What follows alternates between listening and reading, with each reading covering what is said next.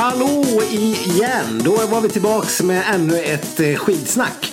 Och eh, vi har för, gjort en liten förflyttning, truppförflyttning från fjällen. Ja, det är precis som eh, Tour de Ski-åkarna färdas mellan orterna så har vi åkt några timmar och kommit tillbaka till eh, Stockholm. Precis. Där de flesta av våra etapper utspelar sig. Vi har, vi har färdats mellan de stolta skidorterna Hundfjället och eh, eh, Midsommarkransen. Ja. Om man ska vara petnoga. Man kan säga att Midsommarkransen är lite mer som Oberstdorf och eh, Sälen, eh, Hundfjället lite mer som eh, Val. Ja, ja verkligen. Det var en eh, piskande snöbrist. Som eh, slog emot en i ansiktet som en käftsmäll när man kom tillbaks. Till, eh, ja nu kommer inte jag till Midsommarkransen förrän här till inspelningsstunden här men eh, det var ju lika mycket, lika lite snö för det. Deprimerande när vi har varit uppe och slipat på Vasaformen där en vecka som vi gjorde. Och, eh, hur, känner, hur känns Vasaformen så här med några dagars perspektiv på resan? Ja, nej men jag, jag känner mig eh, det, faktiskt lite mer peppad än innan. Det känns som att eh, det fanns någon form av eh, gryende form där. Ja, jag såg, jag såg att du till och med klev in och attendade Vasaloppet mars på Facebook. Ja, det var jävligt vågat. Man fick Ja. ju en massa såna folk som likade därefter. Det var ju lite jobbigt. Jag tänkte, ska du verkligen bli så publik med det? Nu har vi i och för sig sagt det i podden, men Ja. jag vet inte hur många av våra närmast sörjande som, som eh, har lyssnat in sig på det här. Nej, det, det var ett infall. Jag vet inte hur genomtänkt det var. men, nu är det gjort. Det är bra, man behöver lite yttre press för att kunna, för att kunna motivera sig själv i vissa stunder. Ja, Så, så det är bra. Nej men det, det var en kul vecka eh, och eh, med fina förhållanden och så kunde vi kolla på Tour de Ski och grejer samtidigt som vi var där uppe. Så det var ju perfekt. ja. Eh, och på tal om Tour de Ski då. Vi kanske ska ta och summera lite våra intryck efter eh, den avslutade touren. Det kan vi göra. Eh, först och främst kan vi väl kanske börja där vi slutade någonstans med eh, våran attack mot eh, eh, Cruella de Veng som någon, någon fyndig fantasydeltagare har döpt sitt eh, lag till. Vi har ju extremt lyhörda lyssnare på den här podden. Alltså ibland blir man ju amazed. och när vi kollade igenom Skitsnacks eh, fantasyliga eh, Eh, så såg vi att någon har klivit in och skapat ett nytt lag eh, döpt till Cruella de Veng. Efter att vi pratade om Veng som lite av en, en Disney-häxa. Eller elaka styvmodern i en Disney-film. Ja, så det var ju, det var ju briljant. Ja, det var snabbt jobbat. Man, men jag, jag kan verkligen tänka mig att hon skulle vilja mörda 101 dalmatiner också. Med sina bara händer. Men då för att eh, bättra på sitt rykte lite Ja. så gjorde ju Weng en liten, eh, kan man kalla det för ett- en PR-kupp. Ja, Macarena Cup. Ja, eh, det här har ju alla medier köpt rätt av.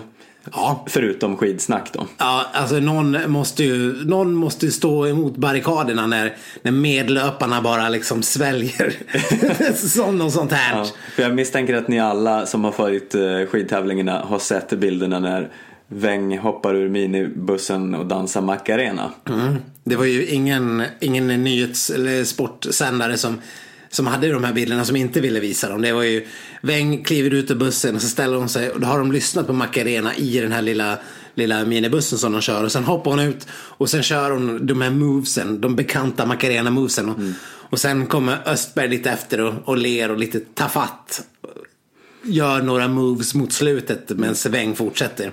Och Weng gör det här samtidigt som hon ler stort och tycker att hon är charmig och öppen och fantastisk. Det här är ju såklart krishantering för att bättra på sitt rykte efter att ha gjort den här dissen mot Östberg dagarna innan. Det var ju inte bara vi som uppmärksammade hennes diss där. Nej, Men vi var väldigt snabba med att rapportera om den i skidsnack som vi spelade in precis efter det där loppet. Eh, och sen hakade ju resten av gänget på. Så att säga. ja, nu, om man ska vara sån. ja, nej men det är ju inte bara vi som har startat oss på Wengs diss här. Nej, verkligen inte. Och, eh, men det här, det här kändes ju verkligen som att eh, lagledningen har fått eh, kliva in och styrt upp eller någon PR-person säger att nu måste ni Nu måste du ut och dansa Macarena Weng för att reparera den här skadan. Gör, gör någonting. ja, eh, visst. Ja, nej, vi köper inte det där, någon av oss. Får Nej. ärligt talat säga. Det, det, man äcklades lite när man såg det. Eh, och Weng har ju gått ut och eh, sagt och försvarat det här och sagt att det inte är någon dålig stämning mellan henne och Östberg. Nej. Och att hon inte ens visste vem det var som var på väg att gratta henne. Hon såg ingenting. Hon bara, det kunde ha varit vem som helst. Hon ville inte prata med någon. Men det är ingen dålig stämning. Bullshit! Fy fan.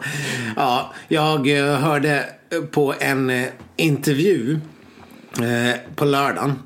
In, efter den här etappen när Weng hade tagit ifatt så mycket. Hon vann ju den här eh, näst sista eh, massstarten där. eh, Innan, innan klättringen.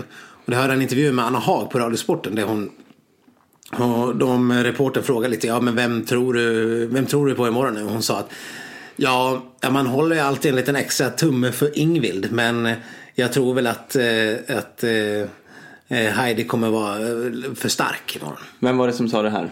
Anna Haag. Anna Haag, ja. Mm. Eh, och det tyckte jag var härligt att höra att eh, Anna Haag är ju på samma våglängd som vi. Hon hatar ju också Weng. jag kan inte tolka det här på något annat sätt. Nej, det är klart. Även om jag tror att du skulle, om du skulle fråga Anna Haag skulle hon likt mig i förra podden säga att hat är ett starkt Ja, okej, och just det. Hat är ett starkt ord. Vi ska inte slänga och dänga med hat. Jag tror inte att Anna Haag hatar Heidi Weng heller. Ja. Ja. ja. ja, hon har ju förmodligen mer anledning än jag. Hon känner ju förmodligen henne lite bättre. Ja, Personligen. Och då har hon ju ännu större anledning att tycka illa om henne kan man ju gissa. Ja. Och så att, eh, men det här, det, det är ju så här starka ordalag som en eh, skidåkare någonsin kan ta till. Jag håller ju alltid en extra tumme på Ingvild. Det, är det betyder ju, jag hoppas att hon slår den där jävla ja, det är ungefär som när Charlotte eh, Kalla gick ut och sa att eh, Ebba skulle åka stafett och därmed eh, eh, slängde bajs i ansiktet på Hanna Falk. Ja, ja men verkligen. Men fast det var ju nästan grövre. Ja. Vad man säga? Men nej, jag känner att det var skönt att Anna Haag tog en sån tydlig, tydlig ståndpunkt. ja. Kul.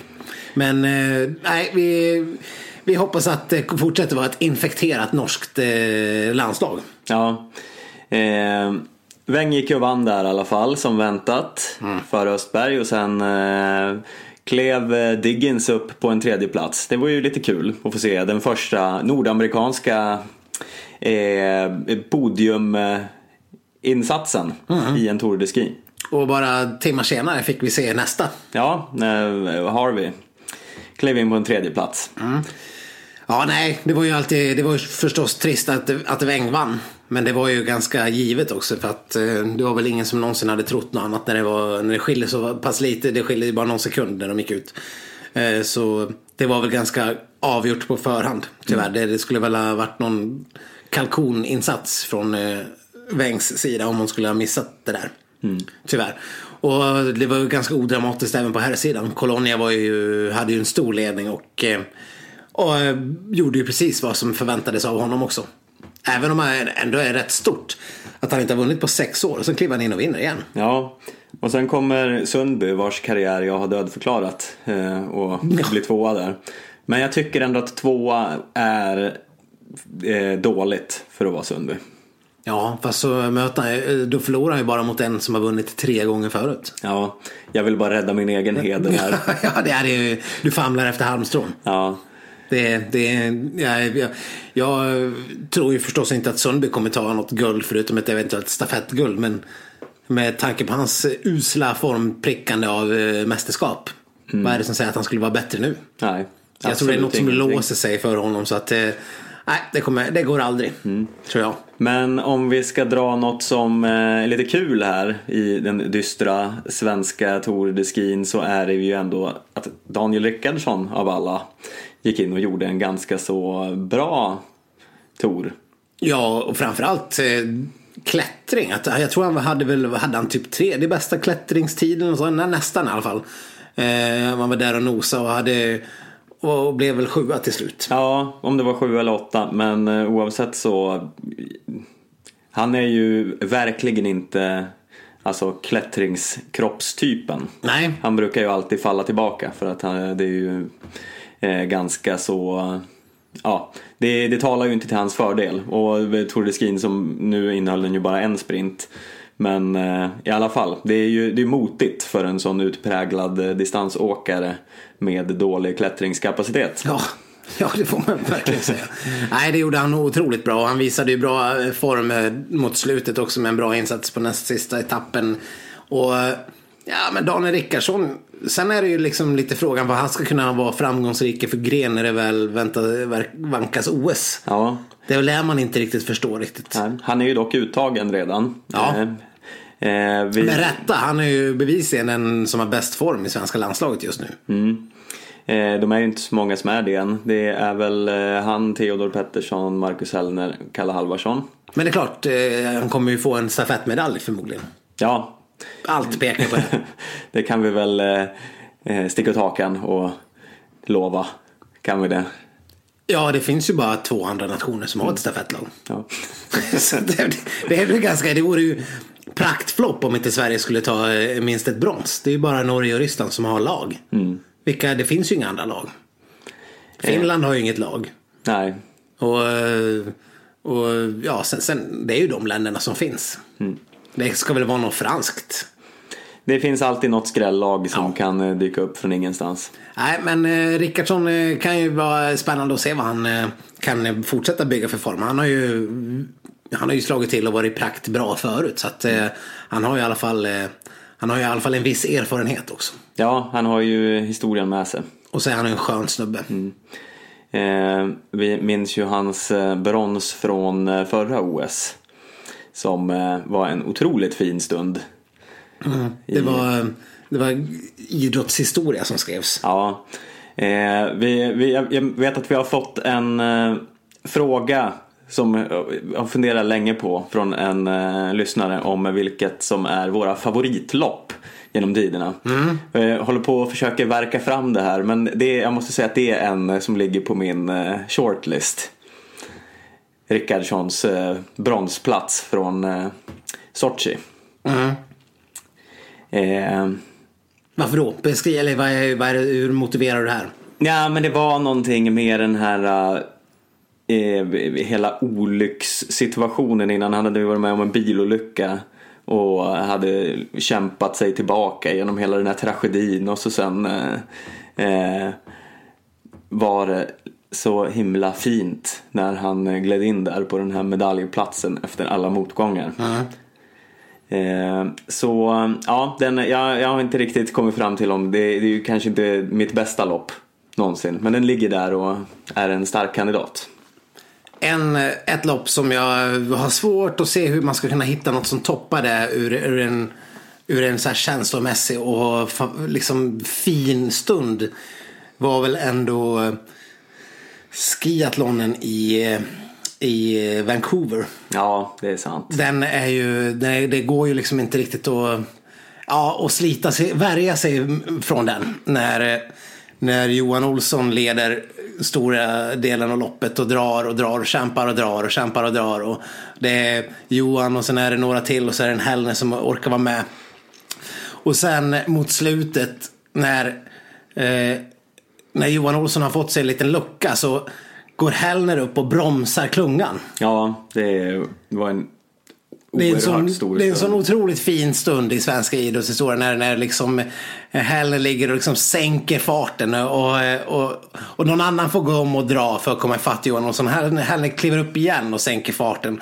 Och, och, eh, och så till slut så kommer klungan ändå ifatt eh, Johan Olsson. Eh, Jag vet inte hur många de är med till slutet. Det var länge sedan jag såg om det här loppet. Men eh, sen slutar det ju så ännu mer magiskt att Hellner vinner det här loppet. Tar OS-guldet och Johan Olsson lyckas knipa en bronspeng. Ja, Det är, det är ett lopp som är svårt att glömma.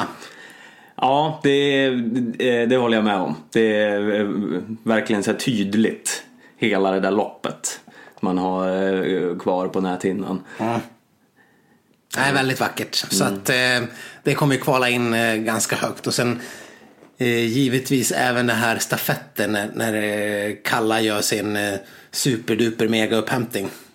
Ja, Eh, också på OS. Eh, men det var väl i Sochi. Vilken, vilket OS var det? Det var också i Vancouver. Eller var det VM till och med? Nu ja. blandar jag ihop korten helt fullständigt. Men det var också väldigt fin. Rickardsons lopp var ju i alla fall 15 km klassiskt i Sochi. För, ja. tydlighetens skull. Och sen bara för att nämna ett sista lopp. Så det är ju också svårt att eh, glömma Charlotte Kallas Tour de Ski-seger. Mm. Eh, när hon eh, går om eh, finskan. Är det Virpi Kuitunen? Eh, eh, om jag inte missminner mig. Ja. Som, den är ju svårslagen. När man ser de bilderna blir man ju lite eh, tårögd ja. bara. Och sen kan ju lite av våra äldre lyssnare undra vad, men, jaha, vad hände med Svan och vad hände med Wassberg och vad hände med Assar Rönnlund och, mm.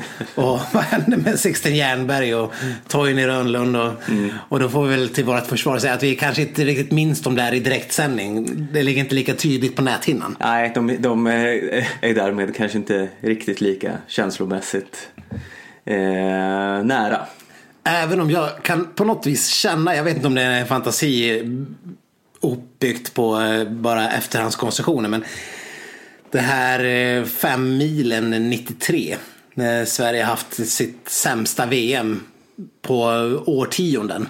Och hemma-VM dessutom i Falun när allt går helt åt helvete. Till och med stafetten går åt helvete.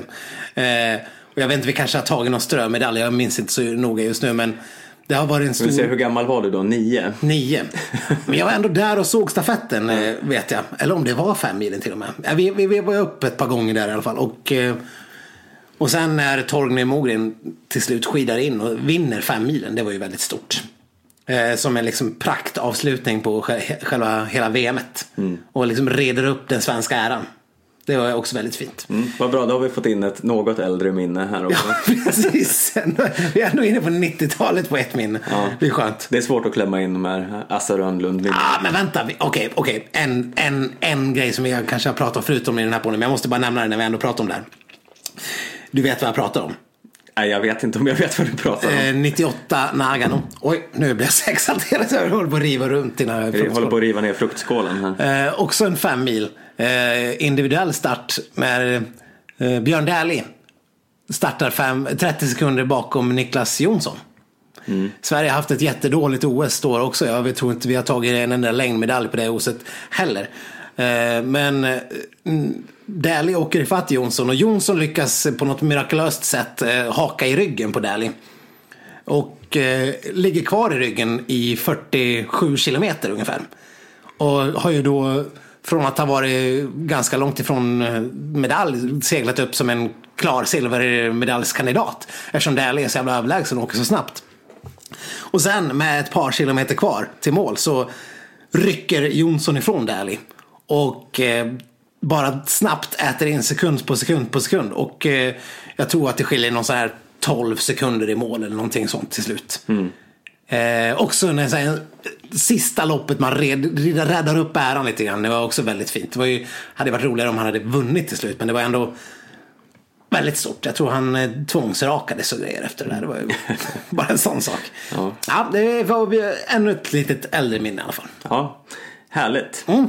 Eh, Ska vi gå vidare på något vis? Ja, vad, vad, har vi mer att ta med oss från den här Tour de Skin? Eh, vi måste ju kanske bara eh, nämna att det var lite tråkigt slut här med mycket avhopp. Både Hellner och Burman kastade ju in handduken inför eh, Alpeciermis-klättringen. Ja, så här lite sista stund. Det kom, man fick någon sån här flash någon timme innan bara att eh, de inte skulle åka. Mm. Och eh, skyllde på luftrör och grejer. Men eh, du har ju granskat lite här. Ja, det här, Som en del av din stora vlogggranskning. Ja, vi ska återigen nu då puffa lite för den här kommande supergranskningen. Ja. Som eh, inte kommer den här veckan. Nej. Men eh, kan ju bara liksom... Eh, Förmodligen inte nästa vecka heller va? Ja, men det ska man aldrig säga. Nej. Men i alla fall. Jag följer ju då Jens Burmans eh, vlogg, mm. videoblogg. Eh, Youtube-kanal. Jag vet inte riktigt skillnaden mellan allt det här. Nej. Men hur som helst. Där eh, sitter han och pratar kvällen innan eh, klättringen om att han har kramp i magen efter en eh, tveksam kalkonlunch. Alltså kalkon som ätit kalkon. Precis. Inte att lunchen i sig var kalkon. Det Men var- den verkar ju uppenbarligen ha varit kalkon. Det var kalkon på så många sätt. Ja, det var, kalkonen var kalkon. Ja, precis. Och eh, han, eh, han jag, jag såg ju det här klippet nu, du visade mig precis innan sändning. Och Han kunde inte ens stå upp, han fick ju lov att sitta lutad över sängen för att han hade så ont i magen. Ja. Eh, och sen dagen efter så står han där och berättar att han har ont i luftrören. Eller att han är torr i luftrören. Just det. Och tar det säkra före det osäkra och ställer in. Men eh, vi... Eh, ja, jag vet inte. Du skickar upp ett varningsflagg för att det var kalkonen som eh, stä- ställde till det. Vi har ju skickat den här varningens eh, flagg tidigare vad gäller tandkrämstårtan och, och så vidare. Ja. Så de är, ju, de är ju kända för att lyckas med dåliga matintag. Ja, och vad, vad, vad, blir, vad blir då det slutgiltiga beviset på att något är fel på svenska skidlagets magar? Ja, eh, det är ju nyheten om eh, vad som låg bakom Kalle Alvarssons avhopp. För även han hoppar ju av. På grund av magproblem. Okej, det var ju, han hade i alla fall officiellt magproblem. Till skillnad mot de andra som skyller på luftrören. Men eh, då har det kommit fram sig att Kalle lider av irritable bowel syndrome. Ja, förkortat IBS. Som förmodligen finns någon svensk, eh, svenskt ord för det här. Mm. Eh, irritabel, irritabelt tarmsyndrom. Ja. Ja, skitsamma. Ja, eh, ja det är i alla fall. Man är väldigt känslig Ja. eh, för eh, eh, olika typer av föda. Eh, som skapar oreda i magen. Och vad var det nu han satt åt där i Falun när vi hade utsända på plats? Ja. Oxbringa. Ja, det är ju... Eh, Är det bra för någon med IBS att sitta och trycka i sig oxbringa mitt i sommaren? vi skulle ju haft med våran eh, jourhavande läkare här i podden då, som vi nu utser honom till. Ja, ja. Läk- Dr Ledström. Ja, ja, han, han pluggar så mycket så det är snart professor Ledström. ja överläkare. Ja, Ja, ja, jag vet inte vad han skulle ha sagt om ox- oxbringa som, eh, som, som rätt till eh, IBS-patienter. Men vi ska rådfråga honom. Vi- kanske måste bjuda med in honom i ett avsnitt snart så vi kan ha en eh, rejäl utfrågning. ja, men eh, i alla fall, det ska i alla fall inte påverka Kalles fortsatta skidkarriär är det sagt. nej. Det är ju skönt att det inte var något allvarligare. Men ja, det, det är oroväckande mycket mag, magbekymmer på svenska landslaget. Jo, apropå magbekymmer, revbenet eh, är ju en del av magen någonstans. Lite lös koppling här kanske. Ja, men, men- den sitter väl typ lite ovanför magen i alla fall. Ja, men det är trakten. Magtrakten. Ja, det här var ju ytterligare en tråkig nyhet som kom i veckan. Eh, att Sofia Henriksson tvingas eh, eh, ja, ställa in alla eh, satsningsplaner mot OS på grund av en stressfraktur i revbenet. Ja, det är ju aldrig roligt. Stressfrakturer är ju helt livsfarligt Mm. för idrottare. Eller livsfarligt kanske inte är om man inte har den i hjärnan eller något. Men, men, men Vet inte, går det ja, att få en stressfraktur i hjärnan? Jag vet förmodligen inte. Vi sparar den här frågan till när vi har eh, överläkaren med här i podden. Ja, jag tror vi får göra. Ja, jag, jag är ju ingen läkare själv men jag gissar på att det inte går. Men, men, men jag ska inte uttala mig om sådana medicinska frågor. Eh, Däremot så eh, är ju Sofias eh, OS-dröm borta. Men eh, lika där känns det väl bra att de har upptäckt vad det handlar om så hon kan vila sig frisk. Hon är ändå rätt ung fortfarande och om hon skulle kunna få ordning på alla sina skadebekymmer så skulle hon ju kunna bli riktigt bra. Det är ju aldrig för sent att bli bra. Det är bara att kolla på Björgen. Ja. Eller ja, någon gång är det väl för sent. att bli Ja, bra. jo, vi ligger nog i farozonen för att det ska vara för sent själva. Men eh, ja, ja, Sofia är ju i alla fall inte lika lastgammal som vi är. Nej. Eh, och det hade väl eh, behövts lite framtidstro i svenska damlandslaget för att i, Stina och Kallas eh, frånfall så, var det väl Ja visst, Maria Norström gjorde någon fin insats och Anna Haag gjorde någon bra insats sådär men ja, det är inget sånt där som sticker ut så att man kan jubla, skratta sig hela vägen till nästa årtionde. Nej, det var åtminstone ganska många som tog sig mål där. Ja, sex av sex typ. Ja, det, det kanske till och med var alla. Ja, jag tror att alla tog sin mål. Det var, det var fint bara det. Mm. Vi har ju tidigare pratat om att de borde straffa folk som inte går i mål. Precis. Det skulle bli mycket straff mot svenska herrlandslaget. Ja, ja, nej, vi får nog gå ifrån de tankarna. Om vi ska ha något landslag kvar. Ja, apropå straff så måste jag bara peta in där. Läste du om den här OS-kanotisten som, eh, som gick och dopade sin landslagskompis? Fan vad sjukt.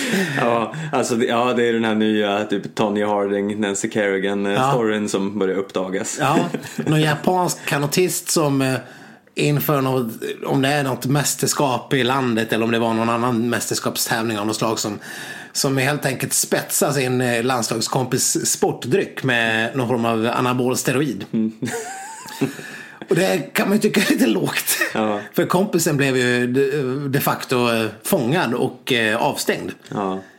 Eh, Men he- hela tiden så hävdade han sin oskuld och i någon form av utredning som gjordes kring det här så kom de nog fram till att det var den andra personen som hade, som hade gjort det. Eh, fan vad taskigt. Undrar om eh, Legkov kanske kommer börja kasta sådana här anklagelser mot Tjernusov nu när, Ja. när han läser om det här. Vi får väl se. Jag såg att 41 ryska atleter också hade överklagat sina OS-avstängningar till CAS. Och, men jag vet inte hur CAS ska hantera det. Det brukar ju ta ungefär ett par, par tre år innan de får färdig en eh, överklagan. Så att, eh, De kanske retroaktivt får delta i OS om två år eller något. Precis. Få åka själv på den där banan och jämföra resultaten. Förresten, bara den här kanotisten, han blev avstängd i åtta år. Jag kan tycka att är det någon gång man ska få en livstidsavstängning då är det väl i alla fall när man, när man spetsar någon annan sport med anabola steroider för att få dem Ja, det är ändå ganska medvetet eh, ondskefullt. Ja, det är så jävla taskigt. Ja, ja då, då får man ju faktiskt eh, eh, kyssa sin karriär Ja. hej då kan jag tycka. Ja, om det kommer fram och att det liksom är otvivelaktigt klart att det är så. Då, ah, då tycker jag att åtta år är, är, är en rena, rena smekningen i jämförelse med vad han borde ha haft som straff. vad fan, fy fan vad lågt. nej, det, nej, det är helt sjukt. Ja, något annat som är helt sjukt. Nu kastar vi oss tillbaka till Ja. skidvärlden. Det är Emil Jönsson. Ja. Denna ja, det, sjuka person. ja, det, här, det här är faktiskt det, Det här är sjukaste nästan, som det har här, hänt. det är nästan sjukare än kompisen som steroiddopade sin eh, landslagskompis. Ja, eh, ja för, för att eh, förklara det här lite närmare då. Emil Jönsson var ju då uppe i Piteå där det försiggicks Skandinavisk Cup i helgen. Och eh, där skulle han köra bland annat en sprint då. Man kan ju tänka att sprint i inte så här liksom världsklassmotstånd borde ändå vara ganska eh, passande för Emil Jönsson. Som Precis. ju har legat lite efter världseliten på sistone. Han får kliva in, göra en prolog och köra fyra tuffa sprint och, eh, och kanske gå därifrån med en seger i det här ganska klena motståndet Ja, ändå. men ändå liksom med vissa, vissa världsnamn eh, eh, som är bra att spöa. Eh, så då kan man ju tycka, Emil Jönsson hänger ju, skulle jag förmoda, lite löst på en OS-biljett. Så, Rimligtvis. Han, Han har ju inte visat någonting på hela säsongen. nej, så han har ju uppenbarligen ganska eh, stor press på sig och mycket att vinna på den här tävlingen. Ja. Så vad gör han? Vad gör han? ja, det är så jävla sjukt. Ja, han, eh, han och eh, Anna Haag umgås ju väldigt tätt med eh, alpinparet eh, Maria Petele Holmner och Hans Olsson. Hans Olsson som har lagt av och PH som är någon form av långtidsskadad. Ja. Eh, Så de, de har startat en sidokarriär som är vallare tydligen. ja. Ja. Så Emil Jönsson tar med sitt vallateam bestående av Hans och Maria Ja. upp till Piteå. ja.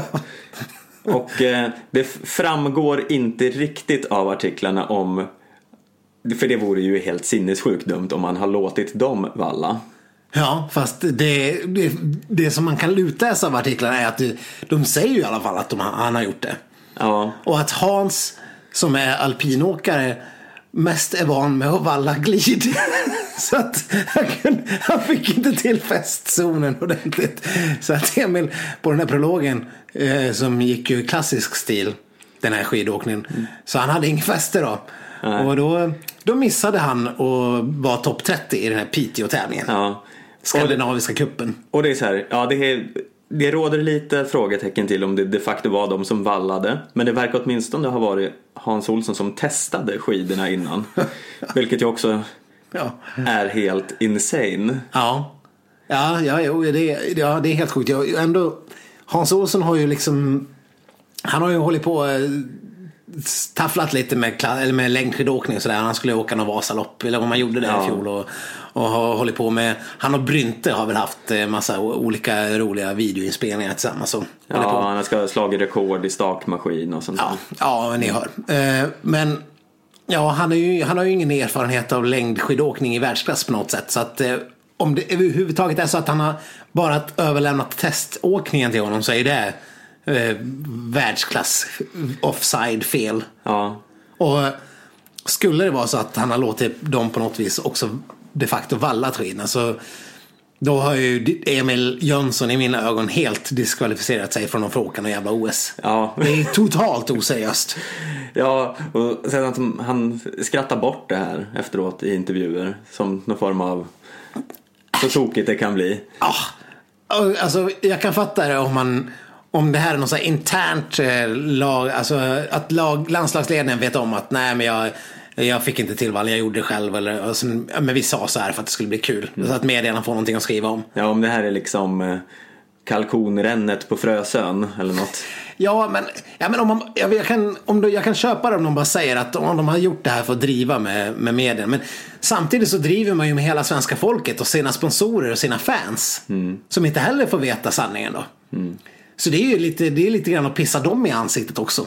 Om det nu är så här att han helt enkelt var i för dålig form. Eller har försökt valla på riktigt själv och gjort allt. Och å andra sidan har han inte gjort allt. Har han låtit Hans Olsson eller vem fan som helst valla eller och det är oseriöst på det här viset. Allt är fel. Vad som än är sanningen här så är det fel och uselt. Och jag gillar ju Emil Jönsson i grunden. Men det här är ju för pissigt. Ja, vad, ja, vad, vad var tanken här?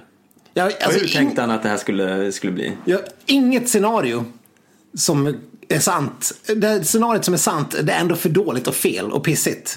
Oavsett om man bara skojar och ljuger eller om man verkligen har gjort sånt här horribelt, uselt felbeslut. Så att, eh, ja, det ska väl till något eh, spektakulärt framskjuten placering eller succé i Dresden för att jag tycker att Emil Jönsson ska få någon Sydkorea-biljett i alla fall. Ja, det är uppförsbacke för Emil Jönsson just nu. Ja, på alla sätt. Så att, eh, ja, om inte han är på pallen i Dresden då är inget OS-VM. Det säger jag. Vad säger du? Jag håller med. Vi vänder blicken till eh, något mer succéartat. Som eh, nu när vi har pratat om Emil Jönsson. Mm. Som den totala motpolen till eh, den blomstrande sporten skidskytte. Ja. Hur ofta får man säga det? Ja, det är, ju- den kan ju vara blomstrande för andra än för oss. Ja. Oftast har det ju varit. Ja. Men att få tala om svensk skidskyttesuccé är ju, är ju, hör ju inte till vanligheterna i den här podden. Nej, Sen vi startade för, vad är det, fyra år sedan någonting så har ju inte skidskyttelandslaget rosat marknaden riktigt. Nej, vi har pratat lite sporadiskt om eh, några fina insatser av eh, Hanna Öberg och Mona Mayhem och sådana här. Precis. Men nu eh, pratar vi ju helt plötsligt om pallplatser och, vinster och helt oanade OS-formtoppar på gång. Ja, det var nere i den härliga staden Ruhpolding i helgen som herrarna klev in och vann stafetten och damerna tog en tredje plats. Eller Vilket hur? får ses som helt sensationellt. Om det inte var i Oberstdorf. Var, ja, det var i Å- Oberhof. Oberhof. Mm. Just det, Oberstdorf. Det, det var skidskytte, eller skidorna, skidornas mål. Ja, Eh, just det. Det är Ruhpolding nästa, nästa Precis. helg. Så var det. eh, Men det var o- oaktat detta en succé. Eh, ja, eh, verkligen. Är- och man vet ju aldrig så här, när man kollar på ett eh, svenskt skidskytte eh, stafettlag så är det ju alltid något eh, namn man aldrig har hört talas om. För det dyker ju upp eh, nya åkare varenda gång känns det som. Eller vad säger du om Martin Ponsiluoma? Ja. Nej, första gången jag fick höra talas om Martin Ponsiluoma var ungefär 25 sekunder sedan när du nämnde hans namn som eh, en av dem som var med i det. Jag såg inte själva loppet tyvärr för jag tror vi satt i en bil. Eller något liknande. Eh, och eh, har inte kollat på, i efterhand mer än att jag såg att de eh, vann för första gången sedan 2009 va? Ja, Som Sverige gick och tog en, en stafettseger. Eh, och då var väl bara Fredrik Lindström den enda som var med ens i, i landslaget på den tiden. ja. Nej, nu var det då alltså den här Martin Ponsiluoma, Jesper Nelin. Jesper Nelin även känd som eh, eh, Svedén. Eh, han som jag misstog när det stod Sweden. Just. Precis. Och Sebastian Samuelsson. Ja. Den, eh, den unga talangen. Som eh, har massa JVM-guld och sånt på sin meritlista. Eh, Så att här snackar vi ju ändå. Men du kanske kan fylla, fylla i lite mer information och sådär. Ge oss en crash course i Martin Ponsiluoma. Eh, ja, jag kan säga som så att han hade färre följare på Instagram än jag Ja. när jag gick in och skulle följa honom efter detta. Ja. Eh, det vill säga, det är ju inte så att jag har supermånga följare. Nej, nej. Hur många hade han? Ja, men någonstans mellan 100 och 200. Okej. Så nej, får se om det kanske växer nu då. Mm. Det får vi ju tro. Han fick ju en- mig i alla fall. Ja, precis. Efter en sån här dundersuccé med att kliva in på en vinst. Jag har, inte, jag har inte ens hört hans namn rulla förbi i de lopp jag ens har kollat på i skidskyttevärldscupen i år. Så att, att han kliver in och åker i stafettlaget som sen vinner, vinner hela, hela skiten i, i, i Oberstå- Oberhof är ju helt otroligt. Och han gjorde det ganska bra också. Han har väl åkt in på en andra plats när han växte över till Jesper Nelin om jag inte är helt, eh, helt virrig här. Mm. Sen verkar det ha varit en, eh, en fullständigt galen tävling eftersom det var någon slags dimman i Lützen här. Eh, Det är icke någonting som gör att man ska uppskatta en sån här seger något mindre. För att är det något med skidskytte så är det ju att det är ju i slutändan extremt rättvis sport. ja. Alla har ju exakt samma förutsättningar. Hela tiden. Speciellt i en stafett när man startar samtidigt. Så att, eh, nej, helt otroligt. Men kan man eh, börja, ska vi börja prata om medaljer nu? Eh, ja, men det får vi väl räkna med tycker jag. ja, ja, här Vi går skruvar upp förväntningarna direkt. direkt. Ja, men håller man på att kliva in och vinna en stafett för första gången på typ nio år, då, ja, då får man väl stå ut med lite med medaljförhoppningar. Och det är väl bara bra. Det var under en, eh, en bit i loppet låg Belgien etta i det här loppet. Belgien. Ja.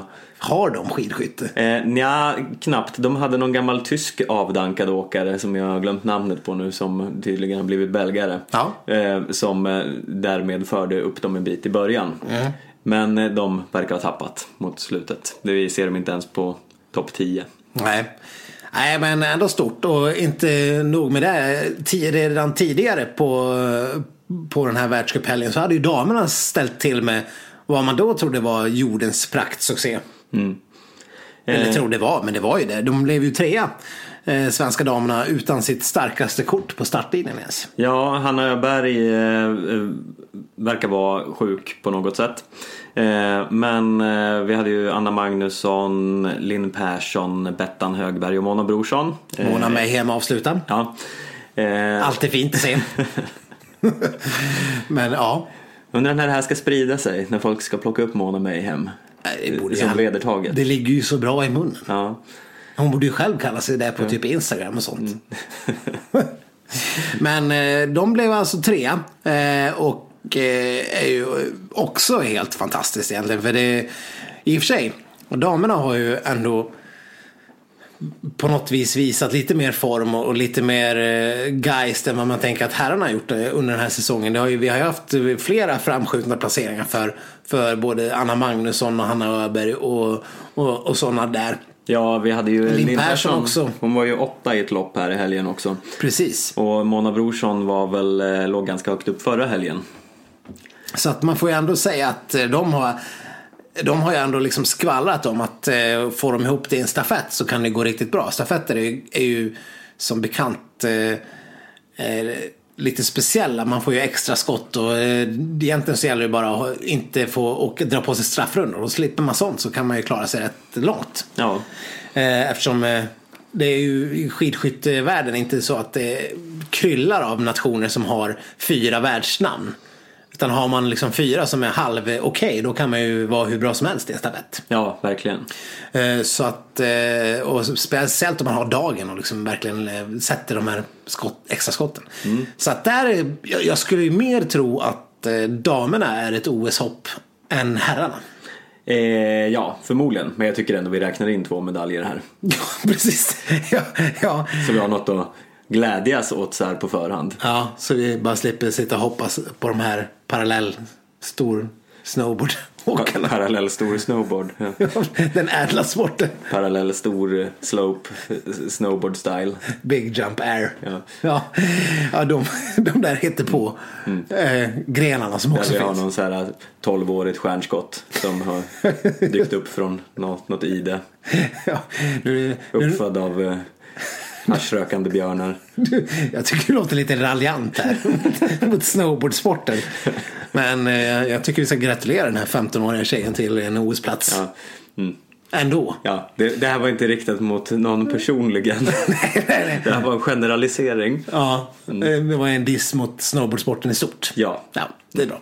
Mm. Nej, men eh, otroligt roligt att få prata lite skidskytteframgångar. Och ju bättre de är, ju mer kommer man ju själv intressera sig för det här och eh, kunna prata mer om. Just nu är, känns det lite grann som att vi bara eh, slarvläser in oss på det här för att kunna ha någonting att säga. Men det är inte som när man slaviskt följde varenda lopp när Magda och Ako och eh, ja, vad hette hon, hon svikan mot slutet? Helena Ekholm. Precis.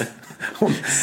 Ja, men hon lägger av när hon är på väg in i sin bästa ålder. Ja. Det är ju, det är ju svikigt. Mm. Sånt gillar man ju inte.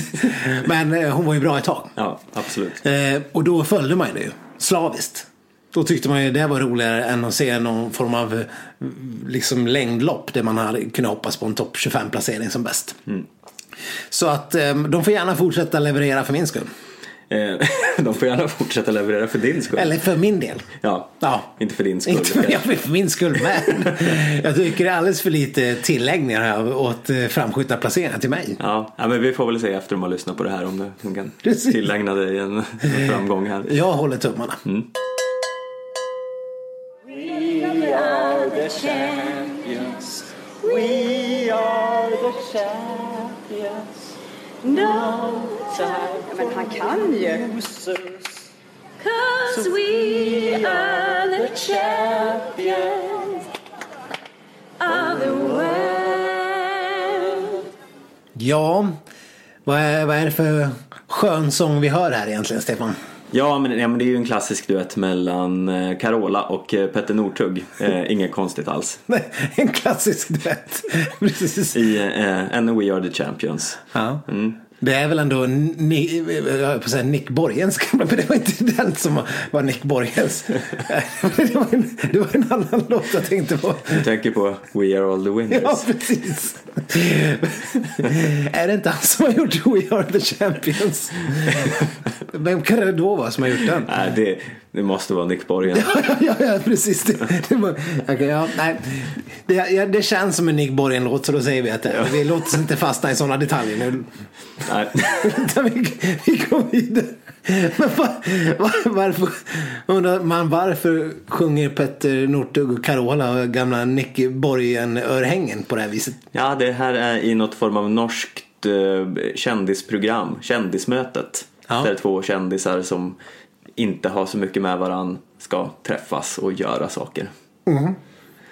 Varför spelar vi upp det här i, skitsnack? Ja, Oklart, men det var lite kul. Ja, precis. Eh, bara för att få en fin brygga in på, in på nästa ämne som är just Petter Northug. Precis, eh, för att eh, man behöver ju oftast en anledning att komma in på Petter Northug. Det är inte som något som faller sig naturligt annars. Mm.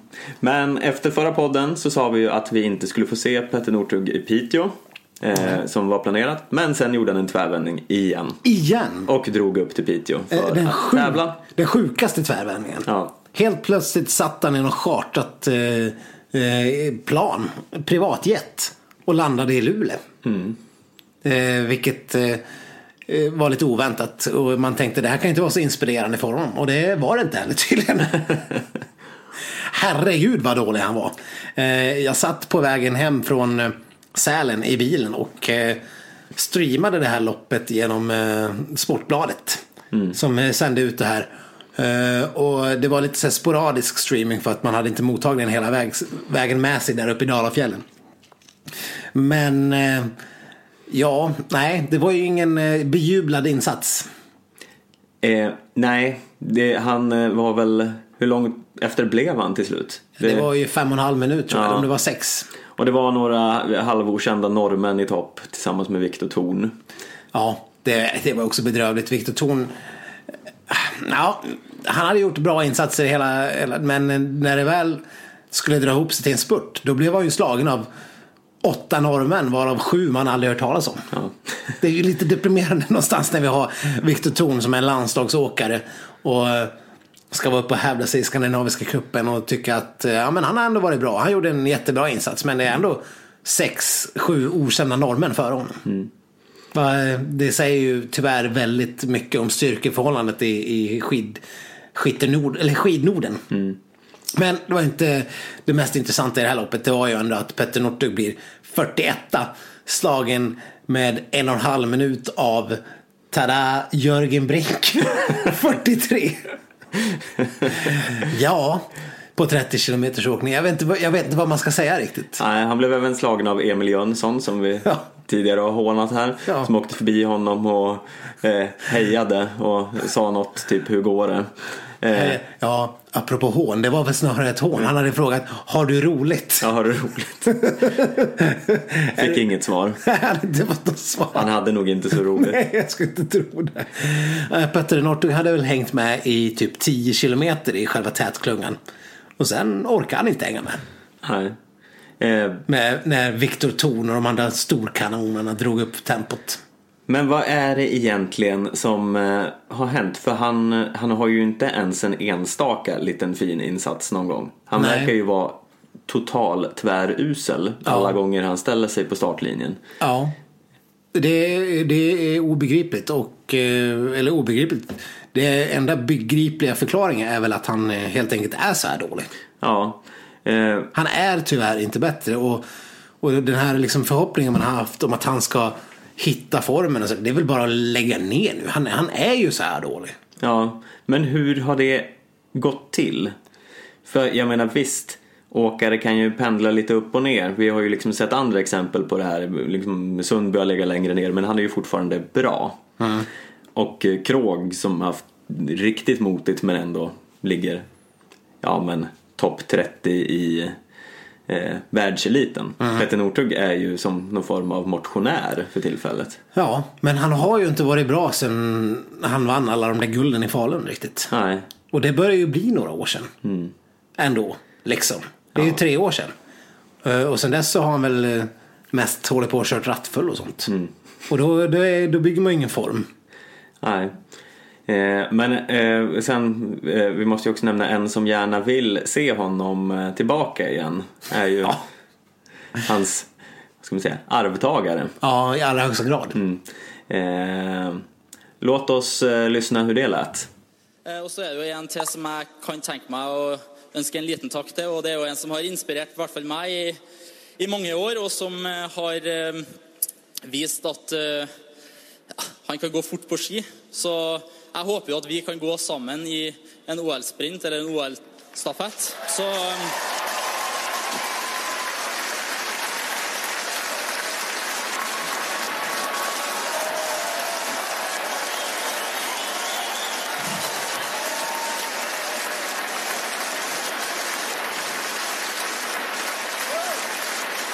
Så, så det her er rett og slett bare en gave til en som har bursdag i dag, så gratulerer med dagen, Petter.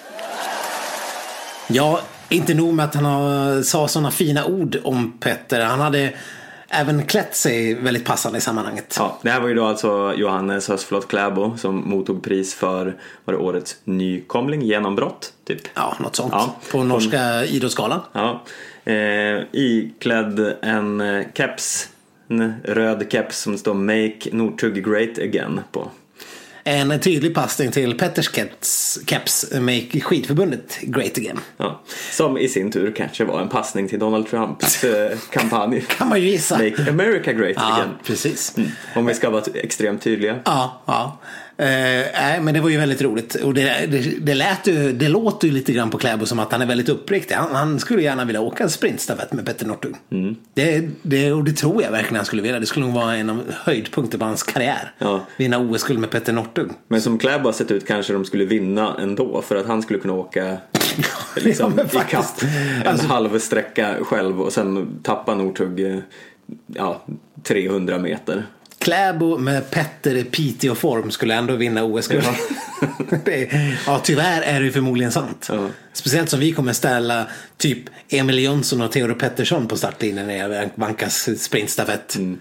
Emil Jönsson med tveksamt valla-team Ja, bakom sig. precis. Hans Olsson har slipat vallaformen in mot Pyeongchang. Han har gjort någon sån här Sunes julvallning med marmelad och kolasås. Sirap och hela den biten. Ja, det, är, det är ju ungefär så man föreställer att Hans Olsson verkligen har stått och kollat på Rudolfs supervalla. Ja. Slängt ihop. Ja, ja nej, men vad pratade vi om? Petter Northug. Ja. Eh, och eh, Kläbo. Nej men det var ju fint. Jag tror tyvärr inte att eh, vi kommer få se någon Petter Northug i något OS längre. Jag har liksom lagt ner. Så att jag hoppas att jag kan få återkalla den där flygbiljetten som jag ändå lagt ut dyra pengar på. Som jag gav till Petter i julklapp. Men... Har du inte köpt eh, återbetalningsskydd? Jo, jo. Men jag, tänk, om man an, tänk om man använder den ändå och bara drar iväg. Ja. Det vore, Ja, ju, det vore ju hemskt. Men eh, Petter har ju ett par lopp i norska mästerskapen och eh, sen ska han ju faktiskt få åka till Planica. Och åka världscup om några veckor. Och det är väl hans allra sista, sista chans. Ja, eh, så det är ju liksom eh, en och en halv, två veckor på sig att hitta storformen. Det- Annars eh, har nog Petter Northug gjort sitt i skidspåren. Vi har eh, en liten intressant spaning kvar som eh, en trogen lyssnare har bidragit med som vi tänkte att vi var tvungna att forska vidare lite i. Det här är för spännande för att inte ta upp. Ja, det handlar om Stina Nilssons relation till eh, de andra skidåkarna. Man, man kan väl säga att vi anar en stor spricka i svenska skidlandslaget. Ja. Eh, det här grundar sig då på eh, Stina Nilssons Instagramkonto och vilka åkare hon följer och har följt. Helt plötsligt, vi måste villigt erkänna att vi har inte haft stenkoll på hur stort antal följare Stina har, eller hur många hon har följt på Instagram innan det här. Men klart är att hon har avföljt väldigt många, typ hälften av sina följare. Och bland dem som hon har slutat följa så ingår i princip hela svenska skidlandslaget. Ja, Av någon märklig anledning. Eh, och det inbegriper ju Charlotte Kalla och alla, all, alla kvinnliga åkare och alla manliga som hon tidigare ska ha följt. Men nu slutar och följer liksom, hon följer Johan Olsson fortfarande. ja, Alexander Legkov. Hans Olsson följer hon dessutom. Hon kanske behöver ett nytt vallateam. Ja, precis. Eh, Lekov ja. Bettan Högberg följer hon av någon märklig anledning. Sen är det mest massa särkännare. Men hon följer Viktor Thorn. Varför? Det är väldigt mystiskt. Hon har, hon har helt enkelt bara klivit in och slutat följa i princip alla sina landslagskollegor. Ja, alltså vad kan det finnas för anledning till det? Är det för att de är för tråkiga att ha i flödet? Men hon följer Paolo Roberto, Sofia Wistam och, och Miriam Bryant tycker hon är roligare att följa än, än sina landslagskompisar. Ja, men det konstiga om hon, ska, om hon inte vill ha skidåkning i sitt flöde Hon följer Mona Mayhem i alla fall. Då borde hon ju ha avföljt även Mona Mayhem Ja, och Viktor Thorn. precis. Vad är den här, varför har hon valt bort vissa? Och det är, hon följer ju inte heller Emil Iversen och, och, de där, och det där gänget längre. Nej. Men eh, ja, Jag funderar lite grann. Är, är det för att gå in i någon form av personlig bubbla inför mästerskapet och inte liksom påverkas av alla andras OS-uppladdningar eller något sånt? Eller är det helt enkelt att det är en stor spricka i landslaget och att eh, Stina är utfryst snedstreck eh, mobbare? Något av dem är det ju i så fall. Ja, Hon kanske, de, de kanske inte gillar varandra helt enkelt. Och det är, folk behöver ju inte gilla varandra. Nej, men det det har ju tidigare väldigt rapporterats om det här i, i, i, i skidskyttelandslaget. ja. När det var väl ändå Bettan Högberg som petades, pekades ut som en stor mobbare. Eh, ja, eh, nu minns jag inte vilka åkare det var mellan där, men det var ju en stor schism där mellan det. Mellan eh, åkarna. Eh, Oskar Svensson har, är fortfarande tagen till nåder av Stina. Hon det är för- ju faktiskt några av de yngre åkarna här. Eh, Viktor Thorn bland annat. Och Oskar Svensson. Är det liksom... Eh, mm, Ja, Det är väldigt mystiskt. Alex Harvey får också en följning fortfarande. Jag sitter och kollar igenom här lite i, i realtid. Madeleine Thorn, det låter ju tonigt. men, men eh, ja, samtidigt så kan man ju säga att det är väldigt många som fortfarande följer henne. Eh, Hanna Falk, Petter Northug, Jonas Sundling, Emil Jönsson. Eh, Emil Iversen förstås. Klart att Emil följer henne. Eh, men och, eh, stora delar av svenska landslaget följer ju fortfarande Stina. Har de bara inte märkt att hon har avföljt dem eller hur ligger det till här egentligen? Ida följer Stina och Kalla följer Stina. eh, vi är, ja, vi är helt perplexa här i studion. Ja, Vi skulle vilja ha kanske lite hjälp med det här. Är det någon som har någon teori eh, om vad som har hänt? Precis. Maila gärna till skitsnack.gmail.com eller skriv till oss på Instagram direkt eller på Facebook direkt. Vi, vi, vi bara måste ha svaren för det. Om Stina själv lyssnar får du gärna också lämna en förklaring. Annars eh, är det ju märkligt. Och varför inte hela Sveriges sportjournalist-elit inte är ute och jagar efter sanningen bakom det här Instagram-avhoppet. Ja, eh, jag, jag blir ju lite ledsen om det är någon form av eh, spricka här. Ja men verkligen. Vad, det kan ju inte båda gott inför stämningen i OS-byn. Nej, Nej det, det, det vore lite trist. Eller Speciellt som, harmonin i ett stafettlandslag. speciellt som hon kommer att åka två stafetter då, förmodligen Van- Vankas OS. Då får man ju hoppas att hon fortfarande är kompis med de andra. Nej, det, det är lite oroväckande. Men samtidigt så verkar ju Stina ha lagt ut mycket positiva och eh, mycket bilder. Hon verkar, hon verkar leva gott. Ja, Träna gott och leva gott. ja, hon blev eh, spöad av två rådjur idag på skidturen. Oj, ja, det, det är ju lätt hänt. Ja, det kan man väl ändå köpa. Men som sagt, mejla gärna in allehanda teorier och mejla gärna in om eh, vad fan som helst. Ja, eh, feel free och eh, ge ris eller ros eller fråga eh, någonting. Eller eh, ge tips på ämnen vi kan ta upp. Vi är tacksamma för all, all lyssnarfeedback. Verkligen. Nej, nu får vi väl ta och runda av det här och eh, säga att vi återkommer om en vecka igen. Det gör vi. Ha så trevligt till dess. Mm. Hej då! Hej då!